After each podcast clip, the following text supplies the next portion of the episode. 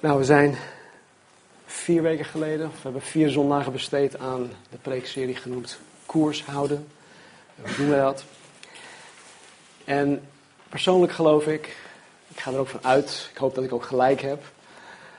Ik geloof dat wij in de afgelopen vier zondagen een goede basis hebben gekregen om één ehm, te zien wat de koers is, de grote opdracht. En twee, hoe wij als Calvary Chapel deze koers kunnen houden. Deze twee fundamentele zaken, de grote opdracht en koers houden, zijn niet alleen voor, voor jullie belangrijk als gemeenteleden. Ehm, belangrijk om ze één te weten, maar ook vooral na te leven. Maar ze zijn vooral voor mij belangrijk. Mij als voorganger, het leidersteam, voor ons is het belangrijk omdat wij degene zijn die als een uh, bepalend factor richting en leiding geven aan deze plaatselijke gemeente. Daartoe heeft God ons aangesteld. Dat is onze taak. En was er al maandenlang mee bezig toen we nog in de steeds zaten. Om uh, God te zoeken over wat we uh, zouden gaan doen wanneer we terugkwamen in, in augustus, eind augustus. Maar door God zelf persoonlijk ernstig gezocht te hebben, geloof ik, naar, ja, naar eer en geweten, dat God mij ertoe geleid heeft om in overleg met het leiderschapsteam, om deze preekserie te gaan geven. En ik heb ooit geleerd van iemand uh, die dan mijn, uh, mij leerde, is dat wij, ja, we moeten door de Bijbel heen gaan, structureel, boek voor boek, hoofdstuk voor hoofdstuk, vers voor vers. Maar af en toe is het goed, is het goed om een, een thema aan te snijden, om een preekserie te houden. Je, je, je moet dat zien als een soort van vitamine boost. je, hebt, je hebt continu heb je vast voedsel, maar af en toe is je weerstand een beetje laag. En dan heb je wat extra nodig. En ik geloof ook dat een preekserie zoals deze die we net gehad hebben, dat dat ook een, uh, ja, een soort boost uh, geeft. In ieder geval, zo werkt het wel bij mij. Nou, door gehoor te geven aan Gods leiding, denk ik ook dat ik dat gedaan heb, is het menselijk gezien voor mij als persoon vrij makkelijk om te denken dat door het geven van de vier preken, alles met betrekking tot het koers houden voor iedereen ineens duidelijk zou worden. Waardoor iedereen hier juichend de zaal uitgaat. En met, met nieuwe moed, met nieuwe kracht, een vernieuwde toewijding aan het samen te willen gaan vervullen van de grote opdracht. Dit is mijn hartsverlangen. Het is ook mijn verwachting. Want ja, ik heb hiermee toch gedaan wat God van mij vroeg. Dit geldt trouwens voor alles dat, dat ik als voorganger tracht te doen. Ik zoek de Heer net zo lang totdat ik weet wat ik doen moet en dan doe ik het. Als, als ik niet weet wat ik doen moet, dan doe ik niks. Althans niet niks, maar ik onderneem geen specifieke actie voor, voor iets waar ik op zoek naar ben. Nou, het is inderdaad zo, en daar ben ik heel blij mee. Uh, even hoor, even mijn telefoon checken, ja. Het is inderdaad zo dat een, een, een deel van de gemeente heel veel geleerd heeft van de preekserie. Ze hebben, uh, of jullie hebben um, inderdaad moed en kracht en motivatie eruit geput. Jullie hebben jezelf opnieuw aan de Heer toegewijd, of zelfs nog meer toegewijd aan het werk van de Heer. Een deel van ons heeft een nieuwe mate van vastberadenheid gekregen om, om er echt voor te gaan. Maar tegelijkertijd zijn er mensen die tijdens de preekserie afhaakten. Sinds we de preekserie hebben, hebben, of sinds we de preekserie gestart waren, heb ik drie e-mailtjes ontvangen waarin staat dat mensen bij de Calvary Chapel weggaan. En menselijk gezien, wanneer iemand überhaupt ons verlaat, vraag ik me meteen af of ik het wel, of ik God wel goed heb verstaan. Niet alleen met betrekking tot de preekserie, maar gewoon überhaupt. Versta ik God dan wel goed? Doe ik dan wel wat God van mij vraagt? Of wat heb ik fout gedaan? Wat doe ik nu fout? Want nogmaals, ik, ik zou mogen denken dat als ik God gehoorzaam in het vervullen van zijn. Ehm, in het vervullen van zijn roeping op mijn leven. Het rechtsnijden van het woord, het prediken van het woord. Dat dat een positief resultaat zou moeten geven. En dan kan je wel zeggen, ja maar kijk naar het leven van Jeremia. Die had 0,0 vrucht vanuit zijn bediening. Maar goed, ik zou mogen denken dat als ik God gehoorzaam in het vervullen van mijn taak als herder-leraar, zoals we het in de Bijbel uh, omschreven zien, dat mensen daar dankbaar voor zouden moeten zijn. En nogmaals, dat men gewoon super enthousiast daarover zou raken. Want dat was mijn ervaring. Toen ik voor het eerst een kerk binnenliep die het woord recht sneed en die het woord van God predikte. Ik was zo blij, ik was zo dankbaar, zo enthousiast. En nogmaals, dit is puur menselijk gezien. Ik zou echt niet verwachten dat uh, tijdens of na zo'n preekserie, of überhaupt, dat mensen zouden afhaken, dat mensen bij ons weg zouden gaan. Dus de vraag die in mij opkomt is dit. Als ik de Heer ernstig zoek en ik hem vervolgens naar ere geweten gehoorzaam in wat hij van mij vraagt, moet ik het vertrek van sommige mensen zien als het gevolg van iets dat ik fout heb gedaan? Of moet ik het zien als iets dat God ongeacht mijn persoon gewoon toelaat? En dat is iets waar ik me al, al een hele tijdje mee mee bezig hou. En God zoekende om deze vraag, om antwoord op deze vraag te kunnen krijgen, werd ik ertoe gedwongen om weer terug te gaan naar de grote opdracht. Dat klinkt misschien heel raar, maar ik werd gedwongen om terug te gaan naar de grote opdracht. Jezus zegt, mij is gegeven alle macht in hemel en op aarde. Ga dan heen, onderwijs al de volken, hen dopend in de naam van de Vader en van de Zoon en van de Heilige Geest, hun lerend alles wat ik u geboden heb in acht te nemen. En zie, ik ben met u al de dagen tot de voleinding van de wereld. Amen. Waarom de grote opdracht? Inherent aan de opdracht is dat ik, dat wij, uit moeten gaan van anderen. Wij moeten uitgaan van anderen. Wij moeten anderen helpen Jezus Christus te vinden. Wij moeten anderen helpen hen door hen te onderwijzen in alles wat Jezus ons gegeven heeft, om dat in acht te nemen. Wij moeten anderen helpen om geestelijk volwassen te worden. Wij moeten anderen lief hebben zoals Jezus Christus ons lief heeft. Op een gegeven moment tijdens zijn vaar, vaarwel speech in de bovenkamer, die bovenzaal, zei Jezus dit tot zijn discipelen. Hij zegt, een nieuw, op, een nieuw gebod geef ik jullie. Namelijk dit, dat u elkaar lief hebt. Zoals ik u lief gehad heb, moet u ook elkaar lief hebben. Hierdoor zullen alle inzien dat u mijn discipelen bent, als u liefde onder elkaar hebt.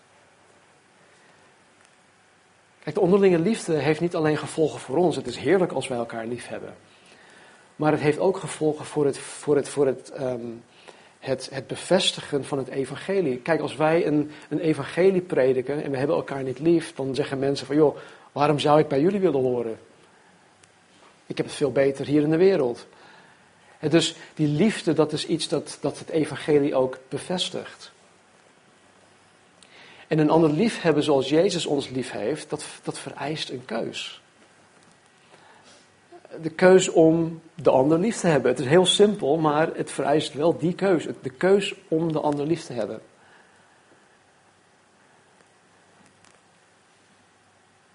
De grote opdracht vereist dat wij de ander belangrijker achten dan onszelf.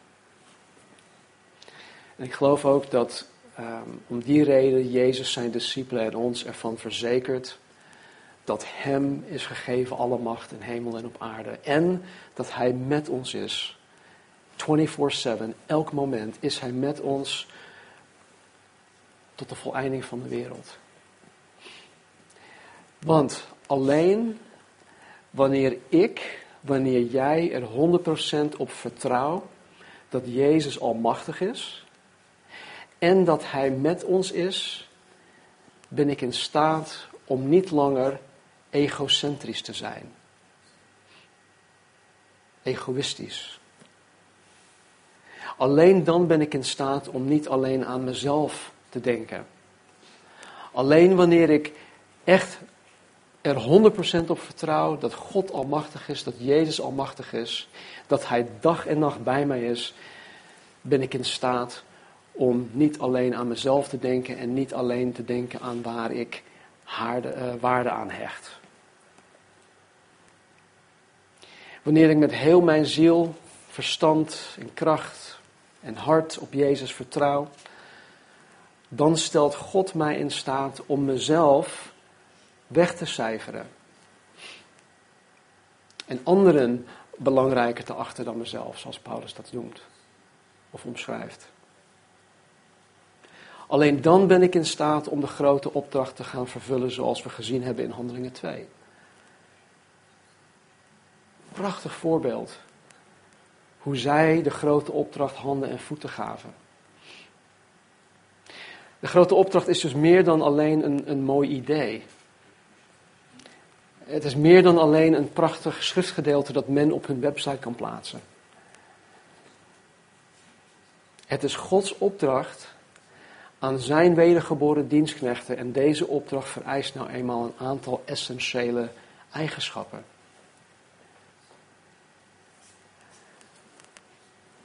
Als je bijvoorbeeld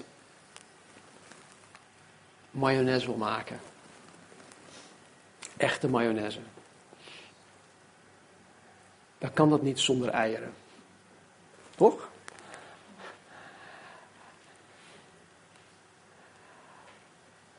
Zo kan je de grote opdracht ook niet vervullen zonder een aantal essentiële ingrediënten. Nog voor zijn kruisiging, toen Jezus zijn twaalf discipelen aan het klaarstomen was voor het moment dat dat de twaalf de fakkel van Jezus over zou nemen om de grote opdracht te gaan vervullen. Toen hij bezig was om hun daarin, daarvoor klaar te stomen, gaf hij hun de sleutel voor het christen zijn. Christen betekent heel simpel als Christus. Dus als ik zeg dat ik een christen ben, dan zeg ik, ik ben als Jezus Christus. En hij zegt tegen hun op een gegeven moment in Marcus 8, 34 en 35, ik zal het uit um, de herziene statenvertaling lezen en vervolgens uit de Bijbel in gewone taal. De herziene statenvertaling zegt het als volgt. En toen hij, Jezus, de menigte met zijn discipelen bij zich geroepen had, zei hij tegen hen, laat wie achter mij wil komen of wie, laat wie mij wil navolgen, zichzelf verloochenen, zijn kruis opnemen en mij volgen. Want wie zijn leven zal willen behouden, die zal het verliezen. Maar wie zijn leven zal willen verliezen omwille van mij en om het evangelie, de grote opdracht, die zal het behouden. De Bijbel gewone taal. Jezus riep alle mensen bij zich en ook zijn leerlingen. Hij zei, als je mijn volgeling wilt zijn, dan mag je niet meer aan jezelf denken. Als je mijn volgeling wilt zijn, dan mag je niet meer aan jezelf denken. Nee, je moet juist bereid zijn om je leven op te geven en met mij mee te gaan. Als je je leven probeert te redden, zul je het juist voor altijd verliezen. Maar je kunt ook je leven verliezen omdat je mijn volgeling bent of omdat je het goede nieuws vertelt, de grote opdracht vervullen. Dan zul je je leven juist voor altijd redden. Nou, verpakt in deze radicale uitspraak van Jezus zijn de essentiële eigenschappen of ingrediënten voor het vervullen van de grote opdracht. Met de woorden, laat wie achter mij wil komen. Oftewel, als je mijn volgeling wilt zijn, zegt Jezus als het ware, wil je het werk van het evangelie dat ik begonnen ben voortzetten? Zo ja, dan zijn een paar dingen daarvoor onmisbaar. Onmisbaar. Eén, je moet jezelf verloochenen. Zoals het in de Bijbel gewoon taal staat. Je mag jezelf, of je mag niet meer aan jezelf denken. En de reden hiervoor is omdat je in het vervullen van de grote opdracht uit moet gaan van anderen. En als je uit moet gaan van anderen, dan mag je niet meer aan jezelf denken. Je kunt jezelf niet meer belangrijk vinden. Je kunt niet meer aan jezelf denken, want het gaat juist om anderen. Heel eenvoudig. Sterker nog, het tweede is dit. Jezus zegt dat je je kruis moet opnemen. Oftewel, je moet je leven opgeven omwille van Hem en omwille van het Evangelie, de grote opdracht.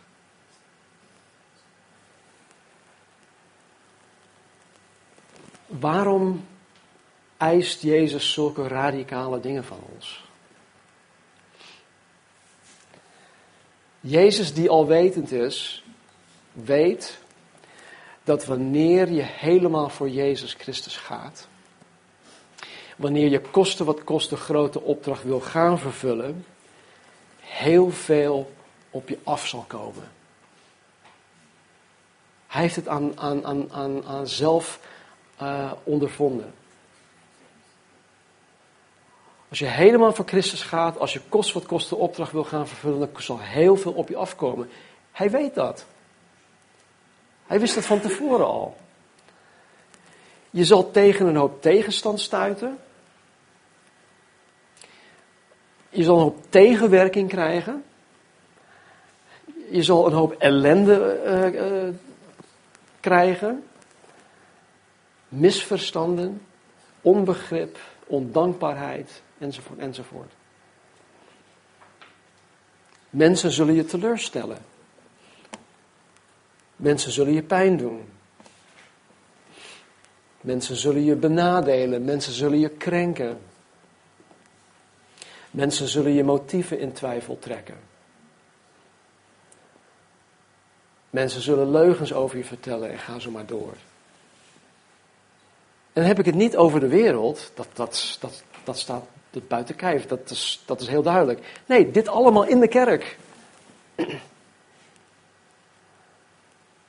Dus wanneer je ertoe aanzet om helemaal voor Jezus te gaan, om jezelf er helemaal voor in te zetten om de grote opdracht te gaan vervullen, zal je gegarandeerd te krijgen maken met al deze narigheid.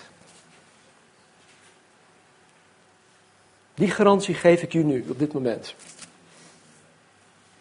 Je, gaat, je, je krijgt te maken met, met al dit soort narigheid. En wanneer je hiermee te maken krijgt, dan is er absoluut geen ruimte om aan jezelf te denken. Want als je dat wel doet, als je, als je verwikkeld raakt in al deze dingen en je gaat aan jezelf denken, het eerste, de eerste menselijke reactie is, ik kap ermee. Ik haak af. Dit heb ik niet verwacht. Ik, ik had het heel anders verwacht. Dit wil ik helemaal niet. Finito.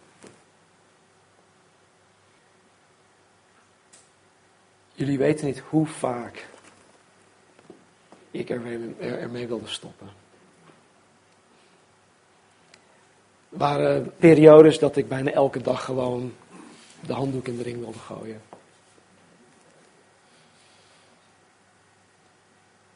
Maar God zij dank, door zijn genade, door mijn lieve vrouw die volhardend is, ben ik er nog steeds. Nu dit. Stel, ik ben actief lid van een fictieve plaatselijke gemeente, waarin het woord van God verklarend gepredikt wordt. Verklarend gepredikt betekent dat je eruit haalt wat erin zit. Het is een bijbelgetrouwe kerk waarin Jezus Christus centraal staat. Het is een kerk waarin de liefde van God voelbaar is. Dat voelen de mensen, maar ook bezoekers die binnenkomen, die zeggen: Oh, wat een warme gemeente, wat, wat, wat liefdevol zijn de mensen. Zowel de leiders als ook de leden, die zijn oprecht in het willen doen van Gods wil.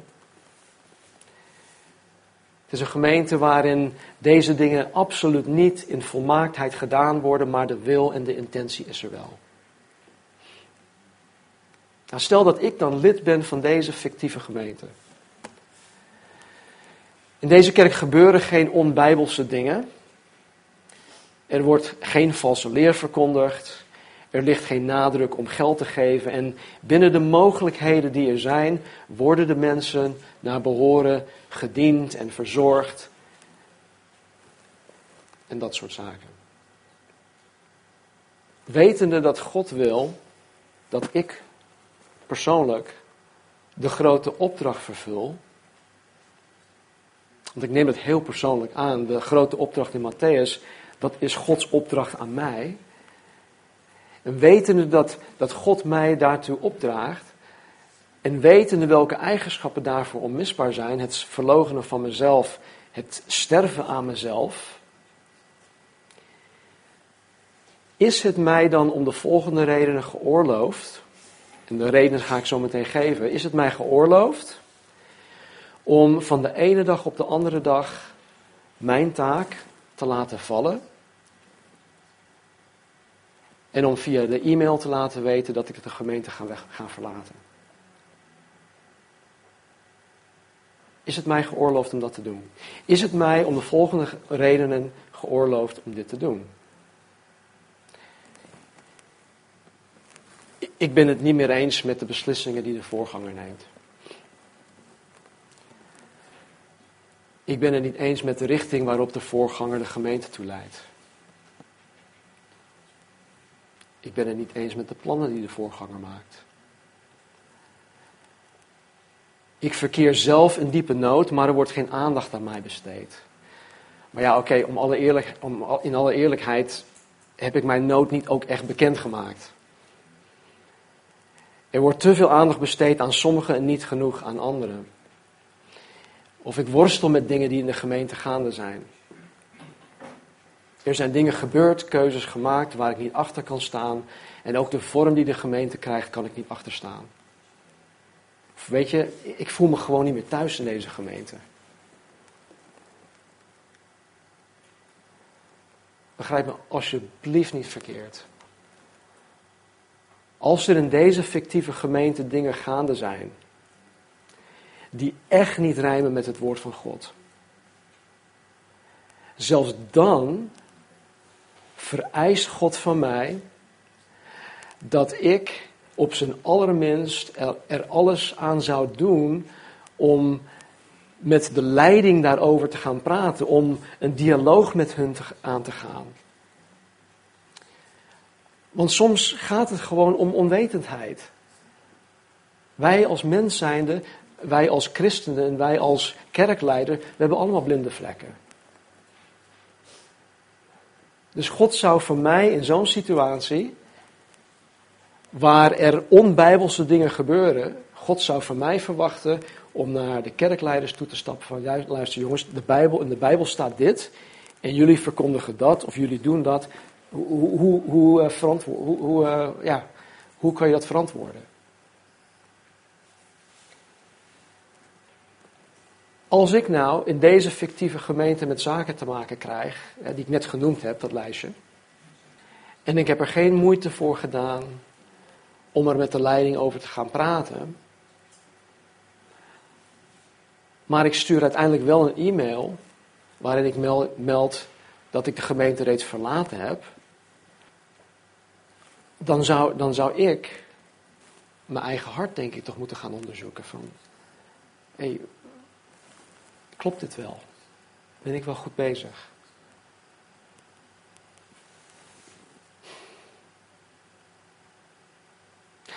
Dus om terug te komen op de vraag, als ik persoonlijk als voorganger, nu niet meer een infectieve gemeente, maar nu even hier. Als ik de Heer als voorganger ernstig zoek en, ik hem, en hem vervolgens naar eer en geweten gehoorzaam in wat hij van mij vraagt, moet ik het vertrek van sommige mensen zien als het gevolg van iets dat ik fout heb gedaan? Of moet ik het zien als iets dat God ongeacht mijn persoon toelaat? Nou, laat ik vooropstellen, ik maak regelmatig fouten. Elke dag zelfs maak ik fouten. En natuurlijk schiet ik in meerdere opzichten richting jullie tekort. Richting mijn vrouw, richting mijn kinderen, richting mijn kleinkinderen. Natuurlijk zal ik jullie op, op een of andere wijze vroeg of laat teleur gaan stellen. Maar ik, ik geloof niet, en ik, ik geloof, ik, ik, het gaat er bij mij echt niet in, dat mijn fouten, mijn tekortkomingen, bepalend horen te zijn of je nu wel of niet bij de Calvary Chapel blijft. Weet je waarom niet? Want zo belangrijk ben ik niet. Ik ben niet zo belangrijk. Als mensen om mij, om mij weggaan, en dat zeg ik niet hoor dat mensen om mij weggaan, maar als mensen om mij weggaan, dan hechten ze veel te veel, veel, te veel waarde aan mij. En dat meen, ik, dat meen ik oprecht. Zo belangrijk ben ik niet.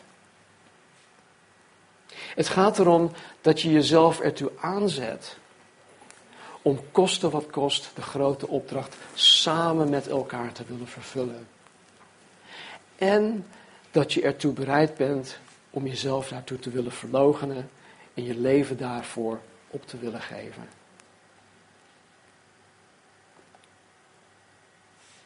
Dus ja, ik zal fouten maken, het leidersteam zal fouten maken. Ja, ik zal uh, jullie teleurstellen. Niet bewust hoor, absoluut niet bewust. Maar ik geloof dat fouten die in Gods koninkrijk gemaakt worden niet onoverkomelijk hoeven te zijn. Lees de brieven van Paulus. Hoe hij ons elke keer aanspoort tot vergeving. Peter zegt: um, Heb elkaar vurig lief, want de, de liefde bedekt tal van zonden. Er staat genoeg in de evangelie en in, in, in de, de, brieven geschreven over hoe wij elkaar horen uh, te benaderen om verzoend te raken over, over bepaalde zaken. Dus fouten die in Gods koninkrijk gemaakt worden, hoeven niet onoverkomelijk te zijn. Tegelijkertijd geloof ik dat als iemand het in zijn of haar hoofd krijgt om hier weg te gaan, dan zal God hun niet tegenhouden. God dwingt niemand.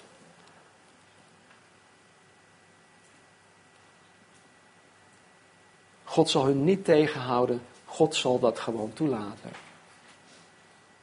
En zo zijn er in de acht jaar en acht maanden dat wij als kerk bestaan, meerdere, bij, meerdere mensen bij ons gekomen. En zo zijn er ook meerdere mensen bij ons weer weggegaan.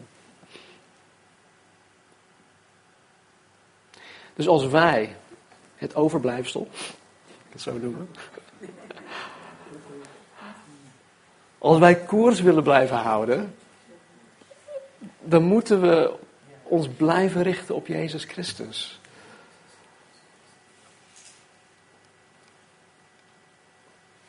We moeten ons blijven richten op zijn werk aan het kruis. Zijn opstanding uit de dood. Zijn wederkomst. Dat zijn de belangrijke dingen.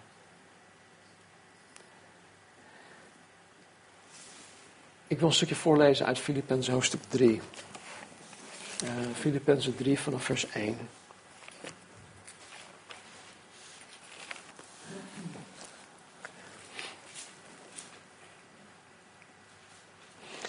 Filippenzen 3, vers 1. Verder, mijn broeders, verblijft u in de Here.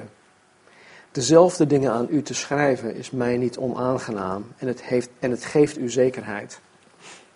Let op de honden, let op de slechte arbeiders, let op de versnijdenis, want wij zijn de besnijdenis. Wij die God in de geest dienen en Christus Jezus roemen en niet op het vlees vertrouwen. Hoewel ik reden heb om ook op het vlees te vertrouwen, als iemand anders denkt te kunnen vertrouwen op het vlees, ik nog meer. Waarom? Besneden op de achtste dag, uit het geslacht van Israël, van de stam Benjamin, een Hebreeër uit de Hebreeën, wat de wet betreft, een Fariseer. Wat ijver betreft, een vervolger van de gemeente. Wat de rechtvaardigheid betreft die in de wet is, onberispelijk.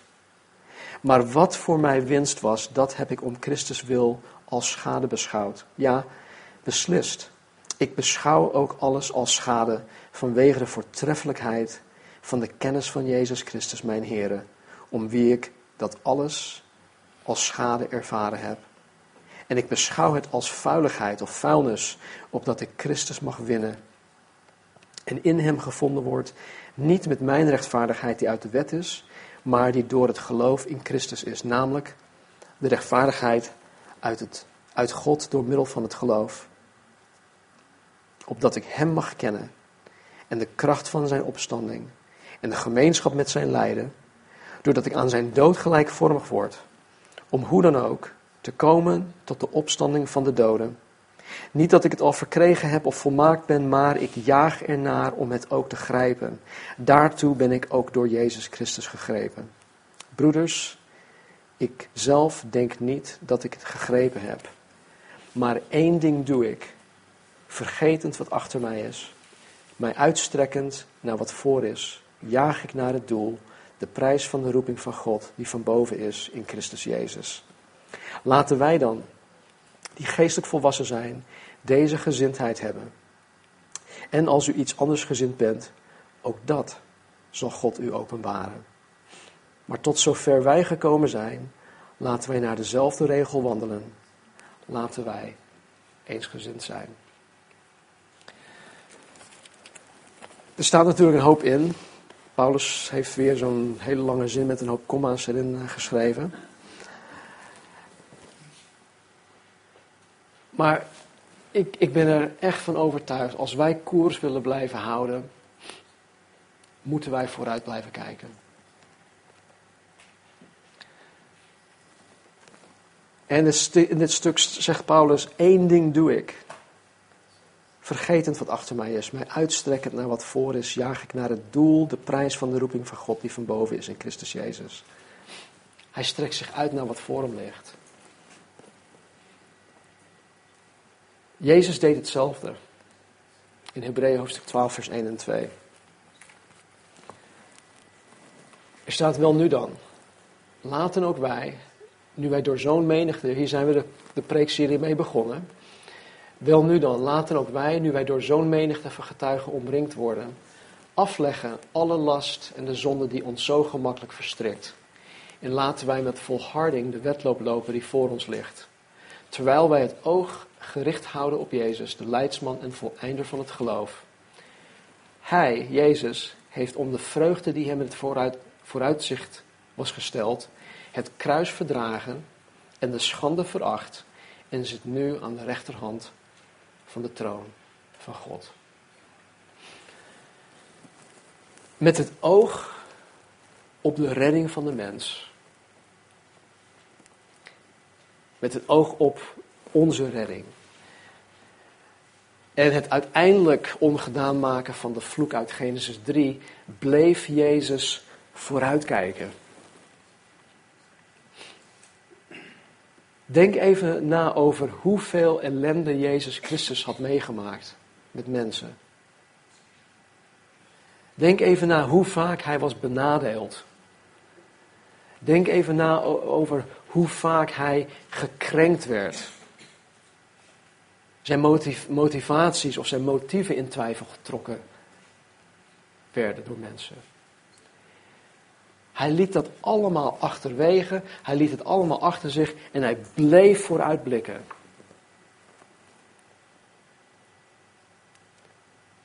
Jezus bleef steeds vooruitkijken. In Efeze 1, vers 4 staat dat al voordat de wereld gemaakt werd, God ons uitkoos om bij Christus te horen.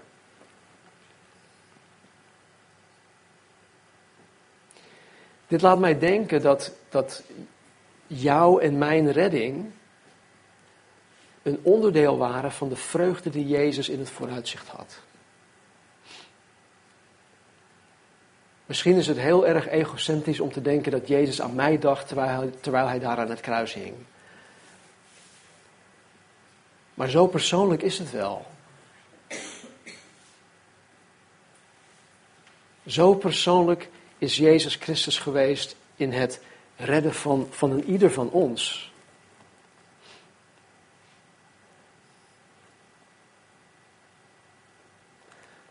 Paulus schrijft in Romeinen 5, vers 8. Niet 5 vers 6. God echter bevestigt zijn liefde voor ons. Daarin dat Christus voor ons gestorven is toen wij nog zondaars waren.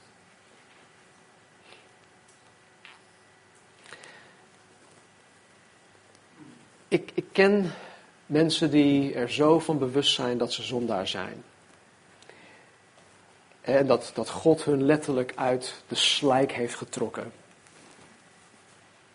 uit de duisternis heeft getrokken en het, in het licht geplaatst. Uit de dood in het leven, uit de leugen in de waarheid. En deze mensen die vergeten dat niet. Ze vergeten niet waar ze vandaan zijn gekomen. Er zijn ook mensen die in het christendom vanaf geboorte zijn opgevoed. Die zijn geleidelijk aan christen geworden. Er, er, was ooit misschien wel een moment geweest dat ze zeiden van ja oké, nu geef ik me helemaal. Maar die hebben uh, minder, een, mindere mate van zondebesef dan degene die echt radicaal tot geloof zijn gekomen. En daar is op zich niks mis mee, want we zijn allebei even slecht. Of je nu radicaal uh, uit de zonde bent getrokken, of je nu gewoon een, een, een goede zondaar bent. Je bent en blijft gewoon een zondaar. Dat hebben we geërfd van, ja, van onze Adam. De eerste Adam. Maar hier zegt Paulus dus, God bevestigt zijn liefde voor ons daarin dat Christus voor ons gestorven is toen wij nog zondaars waren.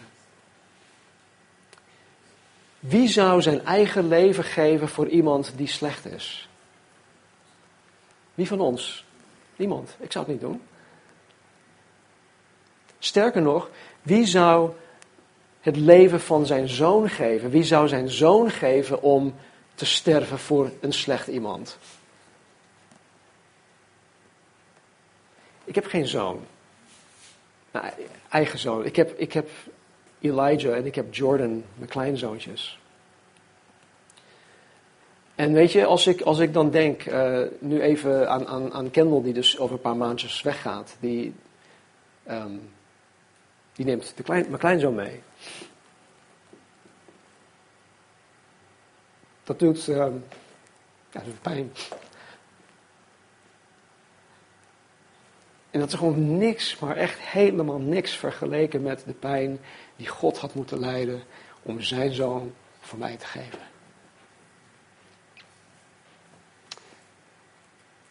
En elke keer wanneer ik aan iets twijfel met betrekking tot mijn geloof of mijn bediening of mijn roeping of uh, de zin van mijn bestaan. Of ik nu moet blijven volharden of dat ik het opgeef. Elke keer als ik met die rare gedachten, menselijke gedachten bezig ben, dan word ik teruggeworpen op het onomstotelijk feit dat Jezus Christus voor mij aan het kruis gestorven is. voor mij.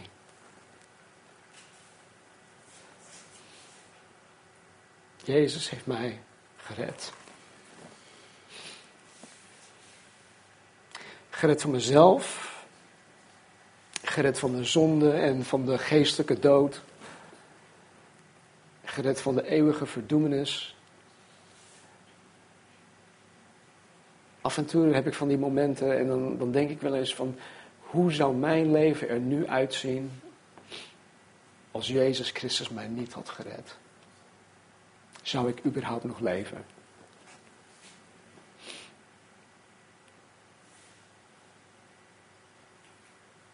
In Jeremia staat dit. Het hart van de mens is het meest bedriegelijke ding dat bestaat. Dat, dat lees je niet terug of dat, dat hoor je niet in, in, in de hedendaagse love songs. Listen to your heart. nee, don't listen to your heart. Het hart is het meest bedriegelijk ding dat bestaat, zegt de Bijbel.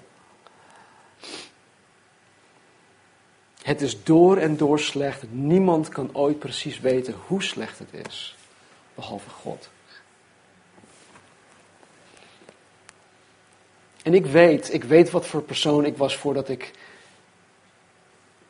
christen werd. Voordat Jezus Christus met zijn geest in mijn leven kwam en mij begon te veranderen. Ik weet waartoe ik als vleeselijk mens in staat ben. Ik weet dat ik net zoals Petrus de Heer zou kunnen verlogenen. En ik weet dat ik van nature door en door slecht ben. En vandaar dat ik dus gewoon des te meer dankbaar ben voor het kruis.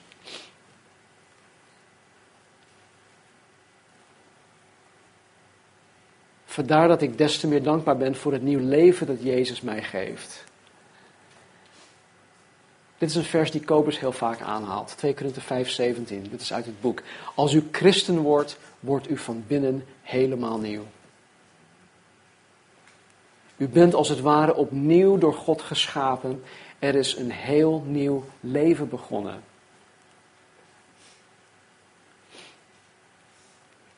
In Christus zijn wij een nieuwe schepping. En doordat Jezus aan het kruis is gestorven en vervolgens uit de dood is opgestaan, heb ik, hebben wij leven en overvloed gekregen. Het is ons beschikbaar gemaakt. Aan ieder van ons. Wij hoeven het alleen maar aan te grijpen, na te jagen. Weet je, dit maakt dat ik mijn leven aan Jezus Christus verschuldigd ben. En dit maakt dat ik koers wil blijven houden. Ik wil, zoals de apostel Paulus zegt, ik heb de wedloop gelopen. Ik ben klaar. Ik heb het gedaan. Ik, ik krijg die onverwelkbare krans in de hemel. En of ik nu een week of nog twintig jaar krijg.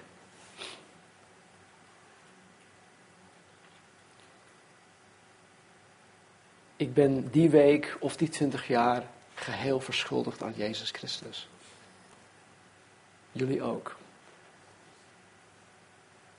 Je bent niet meer van jezelf. Jullie zijn door het kostbaar bloed van Jezus Christus vrijgekocht.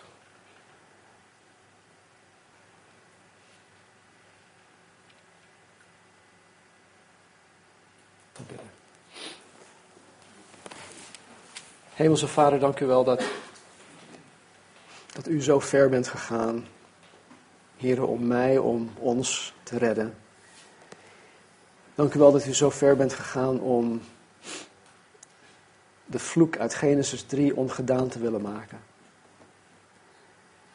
Dank u wel dat u zoveel hebt opgeofferd. Door uw eigen zoon, uw enige zoon, Jezus Christus aan ons te geven.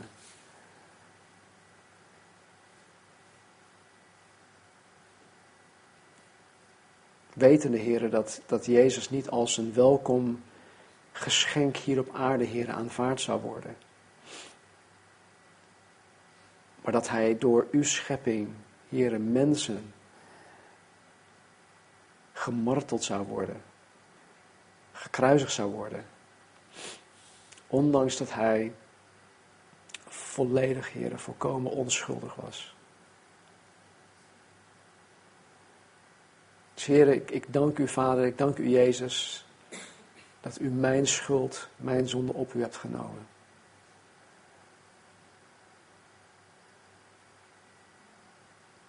Heer, ik wil het absoluut niet verliefd nemen. Ik wil het absoluut niet ook gewoon gaan vinden. Dus help mij, Heer, help ons, doordring ons van het feit dat wij ons leven aan U verschuldigd zijn. Doordring ons van het feit dat wij niet van onszelf zijn, maar dat wij heel duur door U gekocht zijn.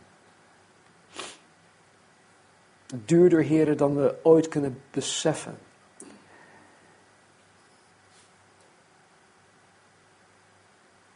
Heren, de honderden miljoenen die betaald worden voor de profvoetballers, Heer, dat is gewoon peanuts. Vergeleken met de prijs waarmee ik vrijgekocht ben door u. En heren, wij in uw ogen zijn zoveel meer waard dan al die honderd miljoenen bij elkaar opgeteld.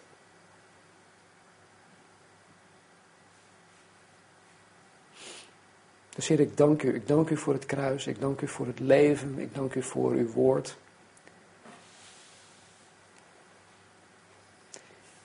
Dank u voor deze gemeente, Heer.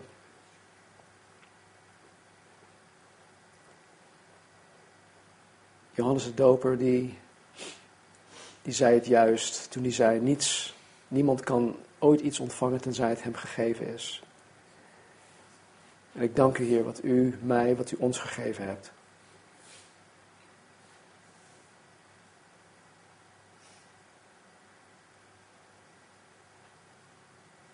Heer, ik weet dat wanneer iemand bij ons weggaat, dat dat pijn doet, Heer. Ik weet dat het een hoop leed veroorzaakt. Aan beide kanten. Maar Heer, ik weet ook dat u gewoon doorgaat met ons, maar ook met hen. Dus Heer, kom tot uw doel. Met allen, heren, die de afgelopen maanden, maar ook gewoon met allen die door de jaren heen weg zijn gegaan.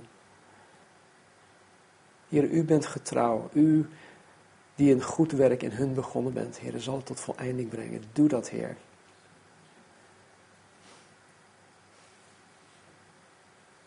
En blijf ons zegenen. Help ons om koers te houden. Help ons zoals Paulus, heren, zoals Jezus, om vooruit te blikken. Heren, hoe praktisch moeilijk dat ook zou kunnen zijn. Help ons daarbij. Geef ons de kracht, geef ons de wil, geef ons de moed. En help ons, heren, om uh, vanmorgen echt stil te staan bij het offer dat Jezus Christus voor ons gegeven heeft. Dank u, Jezus, dat u zo bereidwillig was om de wil van de Vader te doen. Dank u wel dat u uw menselijke kant ook hebt laten zien door de Vader te vragen, Heer, als er, andere, als er een andere mogelijkheid is om de mensheid te redden, Heer, laat dat alsjeblieft geschieden, maar niet mijn wil, uw wil geschieden. En er was geen andere manier. Jezus Christus gekruisigd was de enige manier om mij, om ons te redden. Dus dank u Jezus dat u ons ultiem voorbeeld bent in het volharden. Help ons Heer om net zo te worden als u. In uw naam bidden wij. In Jezus' naam.